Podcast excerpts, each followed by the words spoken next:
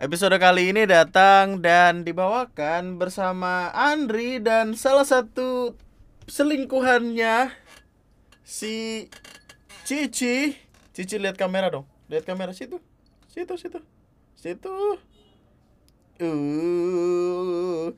Bersama dengan Cici, maskot baru si Koceng yang mengaku dirinya adalah Napoleon Bonaparte. Oh iya yang ngepodcast ya yang denger Spotify nggak bisa ngelihat. Kasihan deh, cakep tahu. Makanya membership dong, cek gitu. Kali ini kita bakal ngebahas cerita-cerita horor-hororan lagi karena gue udah ada temennya, udah ada selingkuhan gue. Jadi gue akan berani. Uh, jadi nama gue Andri dan ini dibawakan dari minggu ketiga, minggu terakhir, minggu keempat berarti minggu terakhir dari bulan November 2020 Nama gue Andri dan selamat datang di Lunatic Podcast.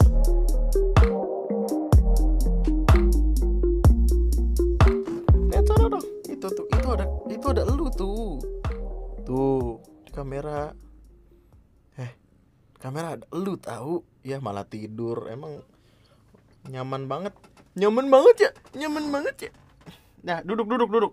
Link gocok. Nah, alasan kenapa gua nggak ngebikin podcast beberapa hari ke belakang adalah ketika setiap kali gue pengen bikin podcast dia tuh duduk di paha gue jadi gue nggak bisa ngomong gue nggak bisa gerak.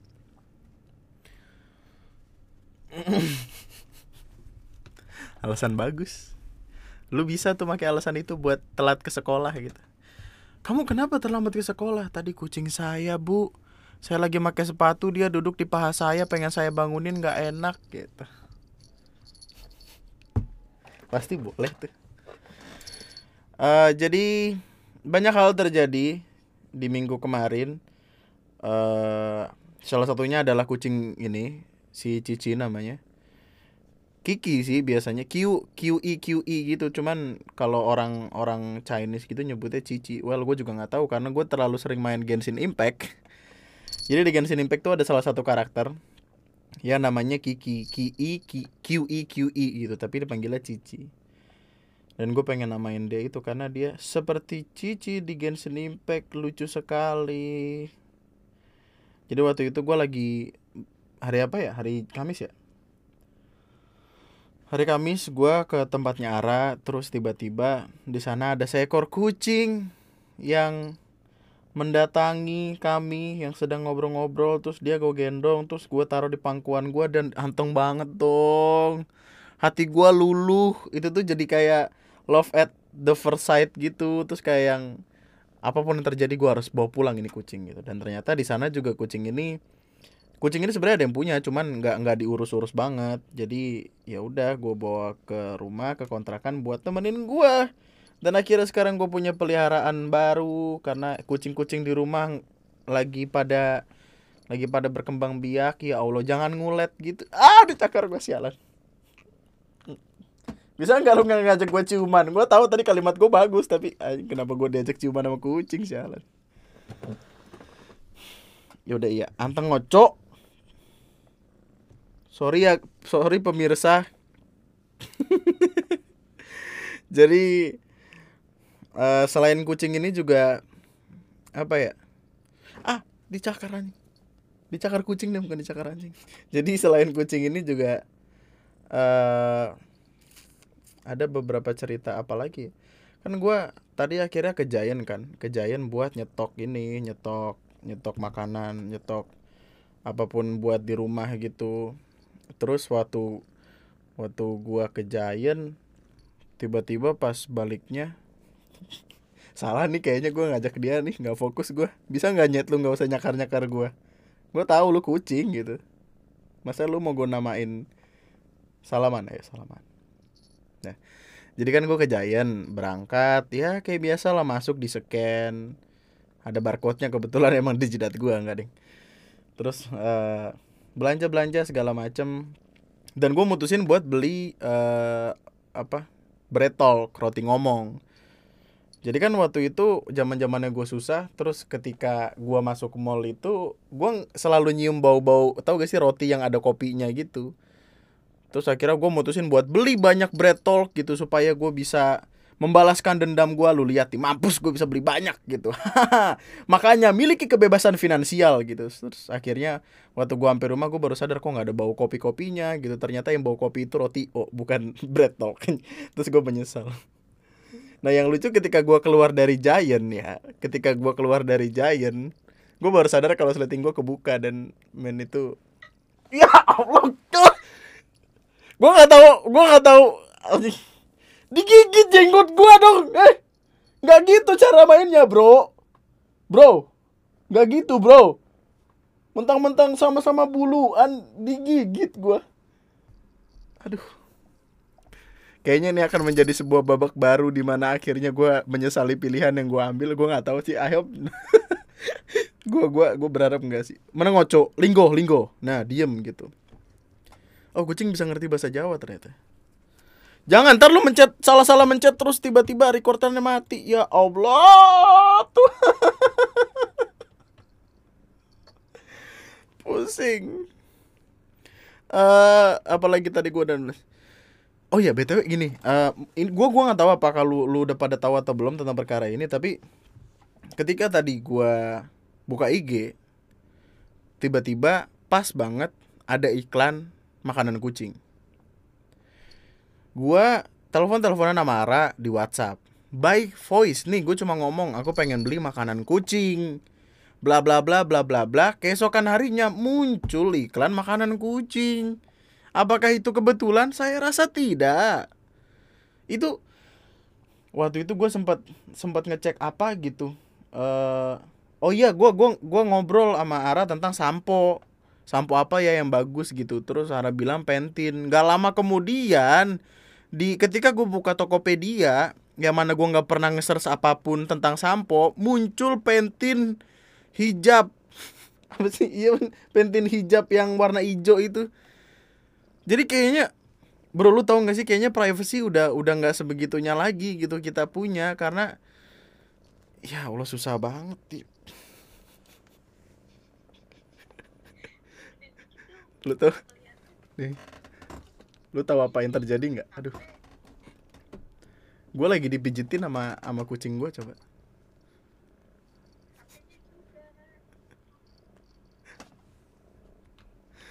aduh ya ampun. Di di heckling sama kucing coba. Bisa nggak lu nggak mijitin iya mijitin di perut jangan ke bawah-bawah geli.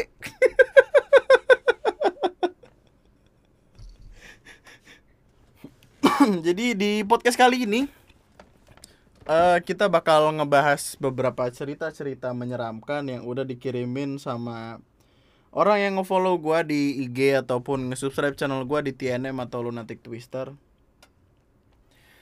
Uh, sorry deh tadi suaranya jauh ya. Nah nih, gue gua bakal storytelling tapi kayak ngambil ngambil caranya ini apa? Kayak kayak Dera dari teman tidur. Assalamualaikum Dri Sesuai dengan live hari ini yang bertemakan horor, saya mau ceritakan kisah horor saya yang berhubungan dengan supranatural tapi bisa dibilang enggak serem-serem amat. Oh iya, perkenalkan nama saya pengangguran. Berhubung saya ingin identitas saya dirahasiakan karena saya takut menyinggung perasaan orang yang dicerita yang sepertinya tidak bakal mendengarkan live TNM, kamu bisa panggil saya dengan nama samaran. Sebut saja saya Ramses II. Sorry kalau ceritanya agak panjang. Cerita ini terjadi saat saya sedang kuliah di suatu kota yang namanya terdengar horor di kalangan orang Malaysia, Pontianak. Saat itu saya tinggal di rumah keluarga jauh saya. Di rumah itu tinggal sepasang kakek dan nenek. Anak pertama plus suami plus anak-anaknya. Anak ketiga plus istrinya. Jadi mereka tinggal di rumah bertingkat dua yang berjarak 20 menit dari kampus saya. Kakek dan nenek di rumah itu, atau yang biasa saya panggil dengan sebutan Pak Long dan Mak Long, waduh, Bapak Panjang dan Mama Panjang. Wow, Long. Yang berarti Bapak Sulung dan Mama Sulung adalah orang yang cukup percaya dengan hal yang gaib. Fun fact, kamar saya terletak di lantai dua di rumah tersebut dan di pojokan di samping tempat tidur saya selalu ada sesajen yang isinya air melati, dupa, dan kopi. Sungguh induk semang yang baik menyediakan wewangian aromaterapi untuk keluarganya. Pada suatu hari yang biasa, seperti biasa kami sekeluarga duduk di ruang tamu di lantai bawah menonton TV. Seluruh keluarga lengkap berada di situ. Tiba-tiba, menantu perempuan Maklong berteriak histeris dan menangis sebagaimana orang normalnya kesurupan. Sorry bro, kesurupan tidak normal. hmm, seperti sebagaimana orang normalnya kesurupan. Tentu saja, seluruh keluarga itu terkejut dan saya sebagai seseorang yang selalu bisa diandalkan tentu saja melakukan apa yang saya bisa. Duduk diam di pojokan dan membiarkan para orang-orang dewasa menangani kasus kesurupan tersebut. Sense komedinya bagus ya. Tidak lama kemudian, ketika para lelaki dewasa sedang sibuk menangani si menantu, tiba-tiba Mak Long juga ikut kesurupan. Saya cuma bisa melongo melihat ada histeria massal di depan mata saya. Namun anehnya, Mak Long yang kesurupan tersebut komat kamit membaca doa berbahasa Arab sambil terkadang berteriak histeris dan menyergap dan menyergap menantunya dan terlihat berusaha untuk mengeluarkan jin yang ada di dalam tubuh menantunya. jadi nenek, jadi menantunya kesurupan. E, nenek ini kemudian ikut kesurupan, tapi nenek ini ketika kesurupan ingin mengeluarkan jin yang ada di dalam menantunya. Saat menantunya berhasil ditenangkan dan tertidur di samping suaminya, Maklong yang masih kesurupan menatap anaknya yang paling muda itu sambil sesekali menggeram. Yang lain juga ikut terdiam. Kemudian Maklong atau apa pun yang ada di dalam tubuhnya meminta kami untuk menyediakan bunga melati. Saya pun akhirnya keluar mengambil bunga melati yang memang ada di depan rumah. Setelah saya mengumpulkan beberapa helai bunga melati saya, aduh, koma, koma, koma, koma, koma mana?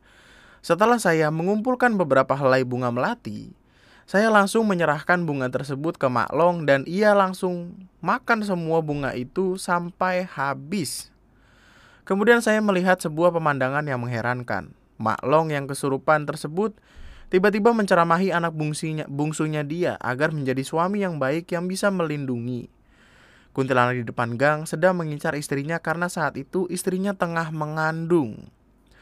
Maklong ataupun jin yang ada di dalam tubuh Maklong menceramahi anak bungsunya agar rajin-rajin sholat dan mengaji karena istrinya sedang rawan agar ia bisa melindungi istrinya dan suami yang baik haruslah menjadi imam buat istrinya. Kemudian jin tersebut menunjuk ke saya dan menantu laki-lakinya dan berkata pada anak bungsunya agar menjadi seperti kami berdua yang rajin sholat tiap hari. Dari kata jin, yang ada di dalam tubuh Maklong, saya baru tahu kalau istrinya anak bungsu tersebut dirasuki oleh kuntilanak dari pohon jambu, jambu di depan gang. Dan jin yang masuk ke dalam badan Maklong adalah jin penjaga yang dulunya adalah leluhur mereka. Setelah puas menceramahi anak sulung Maklong, jin tersebut sepertinya keluar dan Maklong tiba-tiba pingsan. Satu keluarga di ruang tamu itu terdiam, termasuk saya yang masih duduk manis di pojokan. Mas tahu apa yang paling horor di cerita itu? Besoknya seluruh keluarga tersebut pergi ke rumah kerabatnya dan menginap di sana. Sedangkan saya tinggal di rumah tersebut sendirian. Kebetulan di malam itu hujan lebat dan mati lampu dari maghrib. Mungkin itu saja ceritanya. Lah, meskipun saya ragu bakal dibacain karena ceritanya cukup absurd memang dan sangat tidak masuk akal. Saya sendiri kalau diceritain cerita seperti itu nggak bakal percaya. Tapi saya harap cerita ini bisa terdengar menarik kalau diceritakan laundry. Sekian dari saya. Wassalamualaikum warahmatullahi wabarakatuh. Waalaikumsalam warahmatullahi wabarakatuh. Salam sukses. Jadi, Cici, dengerin Cici. Cici. Cici. Dia sibuk mandi, ya, ayo. Jadi uh, intinya di sebuah rumah ada dua keluarga yang tinggal. Eh, bukan Oh ya, ada dua keluarga. Anak pertama plus suami dan anak-anaknya. Anak ketiga plus istrinya sama kakek nenek. Oh, jadi banyak lah. Rame, rumahnya rame. Nah, tiba-tiba ada salah satu perempuan di sana, istri istri dari suami dari Wah, gimana sih? intinya ada ada istri dari salah satu salah satu suami yang ada di sana kesurupan intinya ada cewek kesurupan lah cewek ini kesurupan kemudian nggak lama mertua dari cewek ini kesurupan juga. Ternyata si cewek ini kesurupan kuntilanak di pohon jambu gang depan rumah dia. Nah neneknya kesurupan sama jin penjaga. Jadi kayak ayo apa lu? Lu nyurupin orang gua nyurupin anak gua. Berantem lu. Gitu. Intinya gitulah. Terus ngasih wejangan-wejangan gitu. Uh, kan Maklong ini si neneknya ini si yang si apa mertua yang dirasuki sama leluhurnya ini kan pengen ngejagain kan Terus ada masanya di mana dia kesurupan tapi sambil ceramah. Coba lu bayangin betapa canggungnya keadaan itu.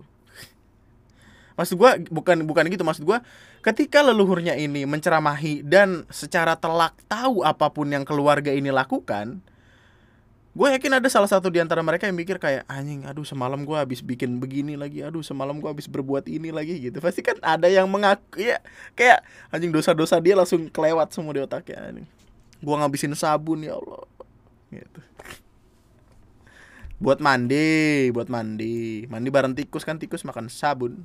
Tapi ya cerita yang bagus mantap. Thank you Ramses 2 nama yang disamarkan. Nama aslinya soalnya Ramses 1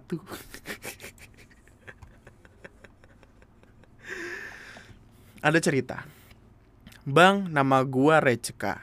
Agak sedikit ribet tapi itu nama gua. Jadi R E J K A. Rejka. Gue sekarang udah kerja dengan apa-apa yang gue sukai dan gue menikmatinya.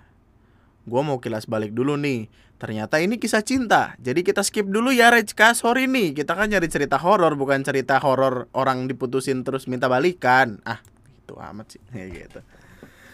Ada. Uh, halo Bang Andri, nama gue Rian. Ini cerita gue pas zaman SD. Sebelumnya gue jelasin kondisi rumah gue. Jadi rumah gue ada di pinggiran sungai Bengawan Solo dan gue tinggal di suatu daerah di Jawa Timur. Waktu kecil gue punya temen namanya Yoga. Yoga ini hobi main bola. Suatu hari Yoga nggak masuk sekolah dan nggak ada yang tahu kenapa. Ketika akhirnya Yoga masuk, teman-teman sekelas menanyakan kenapa dia nggak masuk. Sore itu, Yoga main bola di pinggir sungai bersama teman-temannya. Saat maghrib menjelas, mereka memutuskan untuk bubar dan pulang ke rumah masing-masing. Di perjalanan pulang, mereka harus melewati hutan bambu yang sebenarnya nggak rimbun, namun cukup untuk menghalangi sinar matahari sore itu yang memang sudah mulai memudar, sehingga suasana saat itu cukup gelap. Tiba-tiba, Yoga kebelet kencing, dan tanpa pikir panjang, dia menyisih dari teman-temannya menuju salah satu kerumunan pohon bambu. Teman-teman yoga tak peduli. Eh, teman-teman yoga yang tak peduli tetap melanjutkan perjalanan pulang dan meninggalkan yoga. Emang teman-teman bangsat. Sendirian, kencinglah yoga di kerumunan pohon bambu tadi. Semua berjalan dengan lancar sampai lu tahu dari mana kalau semuanya berjalan dengan lancar gitu. Siapa tahu dia kencing batu lu nggak? Semua berjalan dengan lancar sampai akhirnya Yoga merasa telah selesai menunaikan hajatnya saat yoga ingin membenarkan celana, yang tentu saja secara otomatis dia melihat ke bawah, saat itu juga dia melihat sosok yang sedang melakukan suatu hal pada penisnya. Diemut penisnya. Wow. Yoga pun Yoga pun yang kaget pun ah, Yoga yang kaget pun terjatuh dan lari tunggang langgang ke rumah. Setelah kejadian itu, menurut cerita Yoga, tum sekrok skrotumnya membengkak sehingga mengakibatkan dia tak masuk selama beberapa hari. Oke bang, itu aja cerita dari gue. Semoga masuk podcast lu. Makasih. Tolong ini jelaskan ke saya sosok apa yang mengemut itunya si yoga. Kenapa ketika diemut yoga lari? Apakah seseram itu? Atau yoga terlalu jijik? Apa? Gue gue sempat sering dengar cerita sih bahkan ketika SD gue SD di SDN 005 atau 003 Bekasi eh S SDN 03 pagi Cilincing apa SDN 05 pagi Cilincing gitu. Pokoknya pokoknya gue ada sekolah SD di Jakarta. Gue punya salah satu temen namanya Samson. Seperti namanya orangnya gede. Gue nggak tahu apakah orang tuanya visioner atau gimana tapi orangnya gede. Kayak dia kelas 5 SD gue kan uh, pindah kan kelas 5 SD semester 2 kalau nggak salah nah 5 SD tuh baru masuk gue temenannya masih Samson ini Nah Samson ini tuh kelihatannya kayak kayak udah SMP gitu. Gua nggak tahu mungkin dia mungkin dia nggak naik kelas atau mungkin dia bego atau mungkin dia betah di SD gua nggak tahu gitu. Tapi dia gede aja gitu. Uh, terus tiba-tiba waktu itu lagi kencing karena habis olahraga di di belakang sekolah tuh kayak ada jadi jadi kami itu kalau lari di belakang di belakang sekolah ada kayak jalanan jalanan perumahan tapi belum ada rumah-rumahnya baru jalanan doang kami disuruh lari 800 km yang mana capek dan sering minum jadinya. Nah, karena sering minum kan cepat cepat ya cepat kebelet lah gitu. Terus kencing bareng-bareng nih berdua, yang mana gue juga nggak paham kenapa gue kencing berdua sama dia. Kemudian ketika sudah selesai kencing, Samson ngasih tahu ke gue kayak, eh eh gue waktu itu dipanggil apa ya, Ndri apa apa tok gitu. Pokoknya dia manggil gue gitu. Kita gitu Henry gitu. Lu mau lihat ini gua nggak? Gue juga nggak tahu kenapa dia menawarkan tapi gue melihat. Dan bijinya gede sebelah cuy kayak anjing aneh banget terus kata dia dia habis ngencingin uh, ngencingin pohon cerme katanya. Ngencingin pohon lu tau pohon cerme gak sih? Pohon cermai apa sih yang bulat-bulat kecil yang kalau lu gigit asam banget gitu. Yang warnanya kayak hijau terus lama-lama jadi kayak kuning muda gitu kayak warna stabilo gitu. Katanya dia ngencingin itu terus jadi gede. Gue nggak tahu sekarang apakah masih gede atau enggak gitu tapi gue yakin kalau misalkan gede sampai sekarang istrinya insecure sih kayak apa nih? Kayaknya gue harus gue harus mulai memikirkan masa lalu gue gitu apa yang terjadi sampai akhirnya gue berani buat ngeliat titik orang lain gitu pergaulan apa yang gue hadepin gitu gue nggak tahu sih tapi ah, serem sih. Stroke skro, skrotum itu itu ya apa uh, biji pelir kalau di bahasa KBBI itu. Serem sih men serem sih. Ih. Di hub gitu loh katanya ih. Selanjutnya cerita seramku jadi dulu waktu SMA ada acara sekolah gitu bang sampai jam 10 malam. Nah hari itu ada adik kelas cewek yang ditip tasnya ke teman saya sekitar jam tujuan malam. Nah ditungguin deh tuh adik kelasnya kok nggak ngambil-ambil tasnya. Kemudian karena lama di DM dong dia ditanyain kamu masuk sekolah enggak gitu. Terus dijawab iya mas masuk tadi pulang jam 5 sore. Nah, terus siapa dong yang simpen tas itu? Anehnya tasnya tiba-tiba hilang, Bang. Terus sekitar habis Isya, anak-anak mutarin lantai tiga sekolah gua. Terus ada yang ngejar mereka bayangin hitam gitu, Bang. Gue lihat sendiri karena posisi gue di lantai satu pas anak-anak itu turun ke tangga bayangannya ngeliatin mereka dari arah tangga. Ada kali dua menitan di situ. Wah, la la Uh, gue paling benci konsep merinding-merindingan ketika baca cerita-cerita ini tuh. Kita runutin. Jadi ceritanya ada sok kayak katakanlah gua. Gua kakak kelas. Terus tiba-tiba jam 7 malam ada adik kelas gua yang nitipin tas di gua. Terus eh uh, mana nih? Ditunggu-tungguin tuh ternyata dia nggak datang-datang. Terus akhirnya kita chat, eh gua chat. Dek, ini tasnya mau diambil nggak gitu? Lu masuk sekolah nggak? Kenapa dia nanyanya kamu masuk sekolah nggak ya? Pokoknya intinya ditanya kayak gitu terus si adik kelas gue bilang kayak iya tadi masuk tapi pulang jam 5 sore. Nah jam 7 yang ngasih tas ke gue siapa dong? Sampai akhirnya tiba-tiba ada yang ngejar-ngejar mereka bayangan hitam gitu bang. Kok bayangan hitam? Gue konsep bayangan hitam itu menyeramkan sih bener dah. Voldemort eh apa sih namanya Dementor, lu tau Dementor gak? Temennya Kamentor. Dementor tau gak terbang-terbangan hitam di Harry Potter? uh, eh, gue punya pengalaman pribadi tentang ngeliat hantu. Jadi ceritanya, keluarga gue baru aja selesai renovasi rumah dan langsung ditempatin. Satu sampai dua bulan nempatin rumah itu, gue ngeliat suatu sosok perempuan di dekat kamar mandi lantai dua. Kejadiannya jam 6 sorean dan gue lagi tidur. Terus dibangunin sama adik gue karena listrik rumah tiba-tiba turun. Ya udah, gue turun dan naikin saklarnya. Setelah dinaikin saklarnya, rumah jadi nyala lagi kayak biasa. Gue lanjut tidur lagi di lantai dua. Tiba-tiba saklarnya turun lagi kayak ngejepret gitu. Terus kipas gue ngeluarin percikan api kecil. Kamar mandi gue juga ngeluarin cipratan api kecil gitu dari lampunya. Karena keadaannya udah mau malam, jadi kan gelap. Setelah lampu kamar mandinya ngeluarin cipratan api, gue jadi fokus sama kamar mandi. Karena ada yang diri pakai baju putih rambut panjang tapi mukanya ditutupin sama rambutnya. Saat itu juga gue langsung turun ke lantai satu terus tidur kayak biasa. Semenjak kejadian itu, gue jadi parno buat tidur di lantai dua. Selama tiga harian gue tidur di lantai satu. Beberapa bulan kemudian, temen tante gue lagi main ke rumah gue. Dan dia indigo gitu, bisa lihat makhluk halus. Dan dia bilang lantai dua di dekat kamar mandi emang ada penunggunya tapi dia nggak jahat. Dan dia cuma mau kenalan sama gue waktu itu. Terima kasih telah membaca. Gue juga bisa melihat makhluk halus. Tuh kucing. Halus banget dia. Uh, Halo Bang Andri, gue Lia, gue dari Jogja. Gue punya beberapa cerita yang bisa jadi serem. Tolong dibaca ya Bang, iya. Dulu waktu gue masih umur 12, kalau nggak salah Masih SMP atau SD gitu Gue sering ikut ibu gue buat ngantar gaji supir-supir di tempat almarhum ibu gue kerja dulu.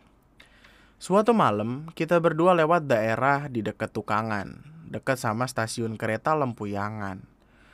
Di saat ada perlintasan kereta api yang bisa dibilang cukup tua dan lebar, malam itu gue mau balik dari ngasih gaji supir tadi. Dan saat lewat perlintasan itu, gue ngelihat ada sosok mbak-mbak pakai baju lusuh abu-abu, dress gitu, kotor kena tanah dan lengan panjang dan kakinya kayak melayang. Dan dia lagi ngedorong kursi roda dan kursi rodanya didudukin sama kayak mayat yang udah gosong dan bernanah darah-darah gitu. Mungkin karena masih kecil dan gak tahu apa-apa, gue cuma bilang ke ibu gue, Bu, ada mbak-mbak dorong kursi roda itu bu, ya ampun merinding kali badan gue, wak. Dan seketika ibuku kayak ngalihin pembicaraan dan kita pulang. Gue lalu sadar, gak mungkin ada mbak-mbak malam-malam jalan bawa kursi roda di tengah rel kereta. Idih. Cerita dua, dia dia kayak ada cerita tiga cerita gitu. Dua, cerita ini dialamin sama pacar gue. Gak terlalu serem, cuma pengen share aja. Jadi waktu itu gue sama temen gue cewek, sama pacar gue lagi, eh gimana sih nadanya? Jadi waktu itu gua sama temen gua cewek sama pacar gua lagi di rumah gua. Jadi bertiga nih dia nih. Ya cewek dua cowok satu. Niatnya masak-masak buat bertiga karena emang rumah lagi sepi dan lapar. Gue sama temen gue lagi masak di dapur dan tiba-tiba pacar gue yang tadi duduk di ruang TV datang keburu-buru ke dapur. Gue tanyain dong kenapa buru-buru. Dia jawab mau dikumpulin nggak deng dia jawab nggak apa-apa ulangan kali ya setelah makan dan lain sebagainya, dia cerita kalau tadi salah satu makanan di atas sofa gua itu tiba-tiba kelempar jatuh dari sofa. Yang notabene sofa gua itu lebar dan makanannya itu berat buat jatuh. Gue cuma santai aja karena emang udah sering kayak gitu dari dulu. Mulai dari suara-suara aneh di dapur sampai bunyi cakaran pintu kamar mandi dan pernah dikunciin di kamar mandi juga gua. Pertama, kenapa lu naruh makanan di sofa? Makanan lu taruh meja dong. Kedua, itu yang lu bilang ada suara-suara aneh di dapur. Siapa tahu itu emak atau bapak lu yang lagi lapar. Terus ada bunyi cakaran di pintu kamar mandi. Pernah punya tikus nggak di rumah? Rumah lu nggak ada tikusnya, rumah gue banyak tikusnya. Makanya serak serak serak serak. Ini gara-gara kucing juga ntar ada serak serak serak serak dan pernah dikunciin di kamar mandi juga gua. Itu emang malu lagi marah-marah aja. Masuk kamar mandi dikunciin biar lu sadar aja gitu. Mencairkan suasana bro. Di sini seram sekali. Tiga. Ini cerita di kampus sih. Pas siang-siang jam 12 gue nih cuci muka karena hawanya panas banget. Gue masuk kamar mandi di dekat sekre himpunan mahasiswa gue sekre apa sih? Sekre ruangan lembaga. Oh. Gue udah mulai cuci muka. Nah kamar mandi cewek di sini tuh nempel sama kamar mandi cowok dan bakalan kedengeran banget suara dong dari sebelah. Gue lagi enak-enak cuci muka tiba-tiba denger suara ada suara air. Gue biasa aja? Eh ada suara orang mandi lama-lama kayak biur-biur kenceng banget. Dan anehnya tuh nggak ada suara langkah kaki di sebelah karena kalau ada orang masuk ada suara langkah kaki dan suara pintu dibuka atau ditutup. Ini beneran hening dan waktu gue buru-buru keluar suaranya hening lagi dan nggak ada jejak basah di kamar mandi sebelah. Oke itu sebenarnya cukup serem sih. Tapi kalau misalkan kalau misalkan ada orang tiba-tiba waktu lagi di kampus boker di celana kan dia pasti pelan-pelan dong. Biar nggak ketahuan orang. Wait I know I don't know man gue itu scene itu akan serem ketika kita masuk kamar mandi. Kita di kamar mandi lama nih gitu. Terus tiba-tiba uh, ada orang masuk kamar mandi terus dia gebar gebyur gebar gebyur ketika kita buka pintu di samping nggak ada apa-apa. Itu baru gue ikutan mandi. Ya gitu. Ah gimana sih? Ngejokes nggak kena. Tapi itu cukup ya, tapi bagian yang paling serem itu bagian di mana dia ngelihat ini sih ngelihat ada mbak-mbak dorong kursi roda gitu cerita seremku. Jadi gue kerja di salah satu pabrik di Karawang. Saat itu gue kebagian libur hari Rabu sama Kamis karena lagi sistem off. Jadi gue masuk Jumat malam karena kemarin habis shift pagi. Nah kan biasanya gue sering banget kalau libur kerja itu diurut. Pas Kamis Eh, pas kami siang gue nelpon tukang urutnya dan dia bilang bisa antara malam Jumat atau Jumat pagi. Nah gue pikir nggak apa-apa lah daripada pegel-pegel. Pas malamnya dia datang sekitar jam 10 Nah saat itu kayak ada yang aneh. Dia perasaan lebih pendiam gitu Padahal biasanya sering sambil ngobrol. Setelah kurang lebih dua jam diurut Akhirnya dia pulang. Terus gue bersih-bersih bentar lalu tidur. Nah paginya sekitaran jam 8 Emak gue bangunin gue dia bilang tukang urutnya udah dateng. Karena kan janjinya datang antara malam atau pagi. Lah terus gue kaget dong yang ngurut gue semalam siapa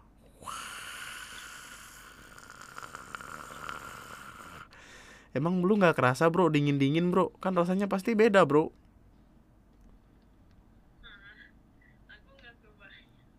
Bisa serem banget ya Lebih pendiam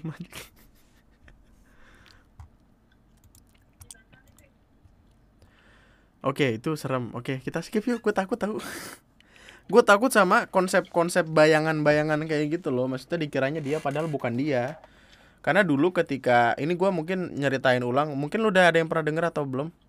Tapi dulu ketika lahir adik eh ketika nyokap gua ngandung uh, hamil hamil adik gua, itu tuh kan uh, lagi ada problem lah di rumah. Terus gua nginep di rumah saudara gua yang ada di Bekasi. Terus uh, nyokap gue nyamperin gue di Bekasi. Nah nyokap gue tiba-tiba uh, ngerasa perutnya sakit gitu. Akhirnya mau nggak mau yang ngelahirin di situ ini ke keadaannya lupa gue antara adik gue udah lahir atau belum kayaknya udah lahir deh. Nah kan akhirnya nyokap gue tinggal di situ kan. Nyokap gue sama adik gue yang baru lahir tinggal di situ. Terus tiba-tiba uh, tengah malam uh, katanya bokap pulang katanya bokap pulang terus langsung meluk nyokap dari belakang. Nah tapi kata nyokap gua rasanya dingin. Dingin dingin gitu terus nyokap kayak bingung. Biasanya kan bokap kalau nyampe rumah terus pasti ngomong kan pasti ada obrolan dulu gitu. Itu enggak. Tiba-tiba langsung kayak gitu. Terus nyokap merem baca-baca doa tuh kayak langsung didorong gitu. Waktu didorong katanya langsung nggak ada siapa-siapa. Kayaknya 15 atau 20 menit kemudian bokap dateng. Nah di situ itu nyokap gue nyeritain first hand. Itu itu itu sangat amat gue percaya karena ketika ketika bokap bokap nyampe situ nyokap nangis ketakutan sendiri. Sadai gue juga nangis. Itu itu chaos banget sih kacau sih. Sampai pagi nggak ada yang bisa tidur. Karena dipikirnya itu adalah uh, jadi saudara gue ini bokapnya udah meninggal. Bokapnya udah meninggal dan mungkin kayak kayak apa eh nyambangin lah gitu kayak nih keponakan gua udah punya anak nih gitu. Mungkin dianggapnya gitu. Cuman brengsek juga dia tiba-tiba main meluk emak gua anjing. Udah jadi setan mentang-mentang jadi setan kagak tahu aturan bangsat. Sembarangan. Oke skip. Lanjut. Cerita serem tapi nggak serem-serem amat. Dia aja udah nggak yakin insecure dia jadi gini bang gue pas SD kagak percaya ada hantu. Ya begitu bang. Nah pas gue SMP nih gue lagi nonton anime. Kebetulan gue lagi libur sekolah. Gue nonton anime dari jam 7 malam sampai jam 3 pagi. Wah gabut sekali ya anda. Nah pas hari itu gue lagi nonton seperti biasa. Kisaran jam 1 malam ada suara nangis dari arah dapur. Kebetulan arah pintu kamar gue kalau dibuka tuh langsung ke dapur. Ya namanya orang namanya juga orang penasaran karena suara nangis sama merintihnya makin kenceng banget. Tapi tak gue gue takut buka pintu. Ada suara mayan 1 sampai dua menit lah. Akhirnya gue mutusin buat buka pintu pas suaranya udah pelan. Eh ternyata nggak ada apa-apa. Gue masih takut sih dengar suara nangis sampai kenceng banget gitu. Langsung gue tidur habis kejadian itu. Paginya gue cerita ke keluarga gue ternyata adek gue juga pernah dengar suara nangis dari dapur juga. Semenjak itu gue percaya kalau hantu itu ada. Udah ya semoga tidak ada lagi pindah pindah. Gue bingung karena gue takut tau sama yang gitu-gitu sebenarnya. Halo bang Andri. Gue Arfi dari Malang. Halo Arfi dari Malang. Passwordnya luak white coffee. Nyaman di kembung tidak bikin lambung. Salah satu cerita dari sekian banyak cerita seremku The Neni. Wah, ada judulnya nih. Gue punya adik yang jarak umurnya tuh 11 tahun. Karena kedua orang tua kerja sejak usia 3 tahun adikku dirawat sama Neni yang juga masih kerabat jauh. Sebut saja namanya Mbak Narmi. Nah beranjak gede dan adikku udah masuk TK, udah nggak dipakai lagi nih jasanya Mbak Na Mbak Narni Narmi. Waktu itu gue masih kelas 1 SMP. Udah lama kita sekeluarga nggak ketemu lagi sama Mbak Narmi ini. Kabar terakhir yang kita dengar, dia nikah dan pindah domisili ke Kalimantan sama suaminya itu. Suatu malam, seperti biasa, nyokap gua nonton TV dan gua temenin. Ini emang udah jadi kebiasaan. Walau nggak ikut nonton sinetron, tapi nyokap selalu minta ditemenin di ruang tengah itu. Waktu waktu itu sekitar jam setengah delapanan gitulah. Lalu tiba-tiba dari arah dapur ada suara suara langkah semakin mendekat dan tahu-tahu muncul si Mbak Narmi ini berdiri di lorong yang menghubungkan ruang tengah dan dapur gua. Wajahnya datar, dia juga diam aja, nyokap dan aku kaget waktu itu. Sewaktu ditanya nyokap, loh, Nar, teko endi? Kok nggak ngabari lek mulai neng Jowo?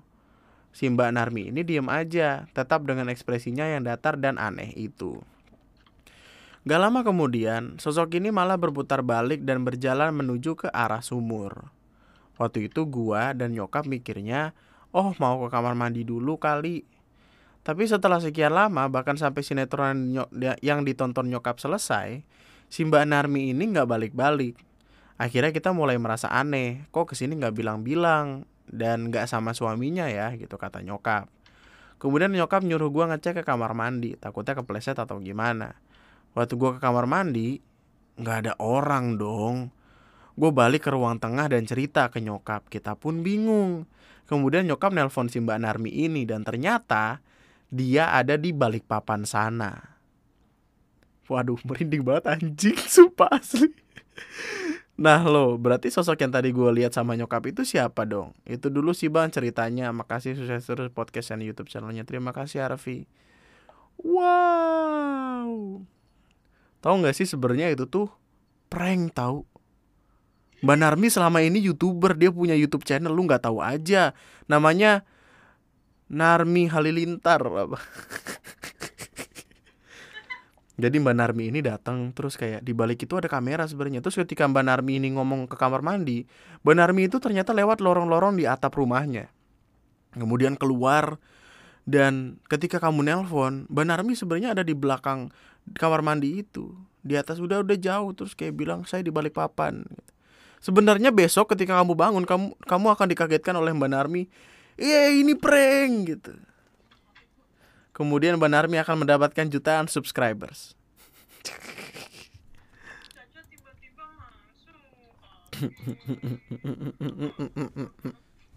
Cerita serem buat Bang Andri. Asik Sebelumnya nih bang, mungkin agak sedikit panjang, tapi menurut gue worth it sih, asik. Jadi gini bang, dulu pas gue SD keluarga gue jualan es krim gitu di sebuah food court di dekat rumah gue. Jadi kita ada karyawan yang jaga di situ, cuma dua orang kok. Jadi mereka itu jaga dari pagi sampai sore. Terus pulangnya kalau nggak jalan ya dijemput sama orang tua gua, khususnya kalau hujan. Jadi ada satu hari nih di mana yang jaga hari itu cuma satu mbak-mbaknya yang jaga. Jadi sore itu hujan deras banget di sekitaran komplek gua. Food court dan rumah gua berada di satu komplek BTW. Mbak ini seharusnya udah pulang, tapi karena hujan dia nggak sampai-sampai. Akhirnya gua nyuruh, eh akhirnya mak gua nyuruh bapak gua buat jemput mbak ini ke food court, ke food court supaya nggak kehujanan. Sampai di food court, bapak gua ngeliat kios es krimnya udah ditutup dan kata orang yang ada di situ, orangnya udah balik dari tadi. Jadi bapak gua pulang sambil merhatiin pinggir jalan karena mungkin tadi udah kelewat tapi nggak ada. Sampai di rumah, bapak gua bilang ke mak gua kalau dia udah pulang dari tadi, tapi kata mak gua kagak ada. Jadi lagi-lagi bapak gua nyusurin jalan itu buat mastiin sampai beberapa kali bolak-balik di jalan yang sama dan keliling komplek. Sampai akhirnya bapak gue balik ke rumah lagi dan dia belum sampai juga. Karena udah basah kuyup, gua ganti, bapak gue ganti baju, terus pergi lagi naik mobil buat nyari dan ngelewatin jalan yang sama. Setelah beberapa lama bapak gue bolak-balik dari rumah ke food court, akhirnya bapak gue ketemu nih sama mbaknya. Bapak gue ketemu mbaknya di dekat danau yang ada di dekat rumah gue dan masih searah sama jalan ke food court. Dia berdiri di pinggir trotoar sambil ngeliatin bapak gua dengan heran. Karena udah ketemu, bapak gua langsung nyuruh dia naik mobil dan bapak gua langsung nyeletuk. Dari tadi ke mana aja dicariin bolak-balik, eh tahunya di sini. Terus dia bilang, saya dari tadi di sini loh pak, tapi bapaknya gak ngeliat saya mungkin. Saya juga ngeliat bapak bolak-balik aja dari tadi, saya tegur nggak dijawab. Terus bapak gua nanya lagi, terus ngapain nungguin di situ pas hujan deras kayak gini? Terus Eh, mbak-mbaknya jawab hujan apaan pak cerah gini Bapak gue dengan herannya merhatiin dia yang ternyata masih kering dan gak kesentuh hujan sama sekali. Sesampainya di rumah, dia langsung disuruh mandi dan langsung sholat asar karena belum sempet. Habis sholat asar, dia langsung diam aja dan melotot natap keluar jendela dan langsung pingsan pas dipegang sama emak gua. Masih berhubungan dengan mbak yang satu ini. Jadi setelah beberapa hari habis kejadian itu, mesin es krim yang di food court mendadak rusak dan es krimnya nggak bisa beku. Di kejadian yang ini, yang jaga es krimnya berdua. Pas mereka balik dari jaga es krim, karyawan yang jaga bareng mbak yang sebelumnya bilang ke bapak gua kalau mesin es krimnya rusak. Bapak gua yang bingung juga kenapa itu mesin bisa rusak, Mendadak langsung nanya ke mbak yang ada di cerita sebelumnya. Sebut aja mbak A karena capek juga bacanya nanti. Jadi baca, baca. Jadi bapak gua nanya ke mbak A ini. Tapi dia diam aja. Terus bapak gua tanya sekali lagi. Eh dia malah cengengesan.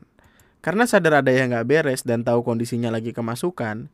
Bapak gua iseng nanya langsung ke dia. Kamu yang isengin misal... Aduh gila kayak there, there is something wrong in here I know it karena gue merinding terus bibir gue keluk gitu loh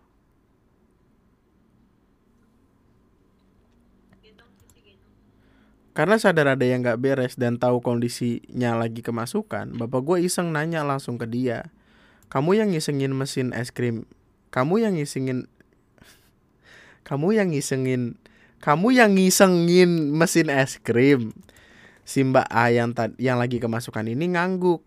Terus bapak gue nanya lagi, kenapa diisengin? Dia cuma bilang, iseng aja. Terus bapak gue nanya lagi, apanya yang dirusakin? Dianya jawab, itu keran yang di belakang aku putar, katanya. Tanpa pikir panjang, bapak gue langsung ngajak Mbak A ini buat masuk. Tanpa pikir panjang, Bapak gue langsung ngajak Mbak A ini masih dalam keadaan kemasukan untuk pergi ke food court dan ngebenerin keran tersebut. Bapak gue cerita, katanya bawa orang kemasukan itu berat, kayak ada yang nahan motornya gitu. Terus bapak gue nyeletuk, duh berat ya gitu. Bapak gue emang gitu kadang setan aja di body shaming, anjing. Untungnya dia cuma ketawa bukan ngamuk. Di jalan, Mbak A ini nggak bisa diem. Terus dia terus dada-dada ke sekelilingnya dan teriak-teriak seakan menyapa banyak orang yang dikenal, kayak putri kerajaan lewat parade kerajaan. Sesampainya di food court, bapak gue langsung nyuruh dia buat ngebenerin dan langsung keluar dari badan si Mbak A ini. Dan semua selesai di situ. Sebenarnya cerita ini gak serem-serem amat, tapi menurut gue ini cukup keren untuk diceritain dan melawan stigma di mana hal mistis itu selalu menyeramkan dan mengganggu. Padahal menurut gue itu cuma karena orang-orang banyak salah menyikapinya, banyak salah menyikapinya. BTW thanks Bang Andri buat semua podcastnya dari gue yang udah dengerin lu dari episode belasan. Thank you so much. Dan sepertinya episode ini harus berakhir di sini karena saya tidak kuat. Tolong. Tolong Cici udah tidur soalnya dia nggak bisa gue ganggu ganggu lagi. Giliran gue ngepodcast dia ngegangguin gue giliran gue butuh bantuan tidur. Bagus banget adatnya emang uh, anyway itu dulu. Nanti episode selanjutnya ini akan ada part 2 nya part 2 nya akan berlanjut nih. Lu lihat nih ini merinding cuk kalau lu lihat kalau lu bisa lihat paha gue tuh kayak shit lah. Emang harus ada temennya. Biasanya tuh hari Kamis Ali ke sini cuma kemarin sibuk main Mobile Legend kita. Itu aja buat podcast gue kali ini. Sampai jumpa di podcast gue selanjutnya. Terima kasih buat yang udah dengerin. Part 2 nya ditunggu gue yakin hari Selasa atau mungkin hari Kamis ketika Ali ada di sini supaya gue bisa record podcast dan gue bisa record Outlast 2 karena gue main Outlast 2 di Lunatic Twister YouTube channel. Nggak bisa fokus cuy. I don't know why gitu. Tapi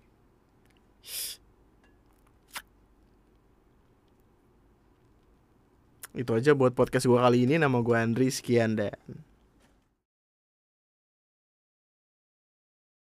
Cici do you love me loving do you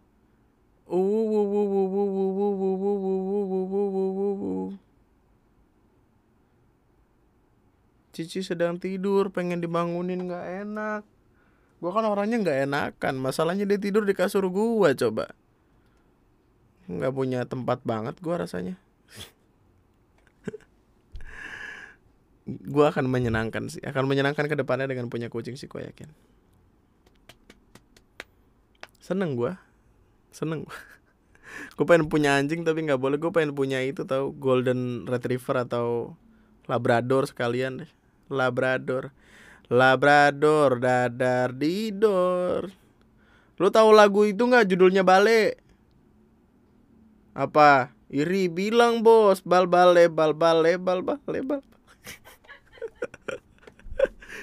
TikTok anjing, TikTok anjing.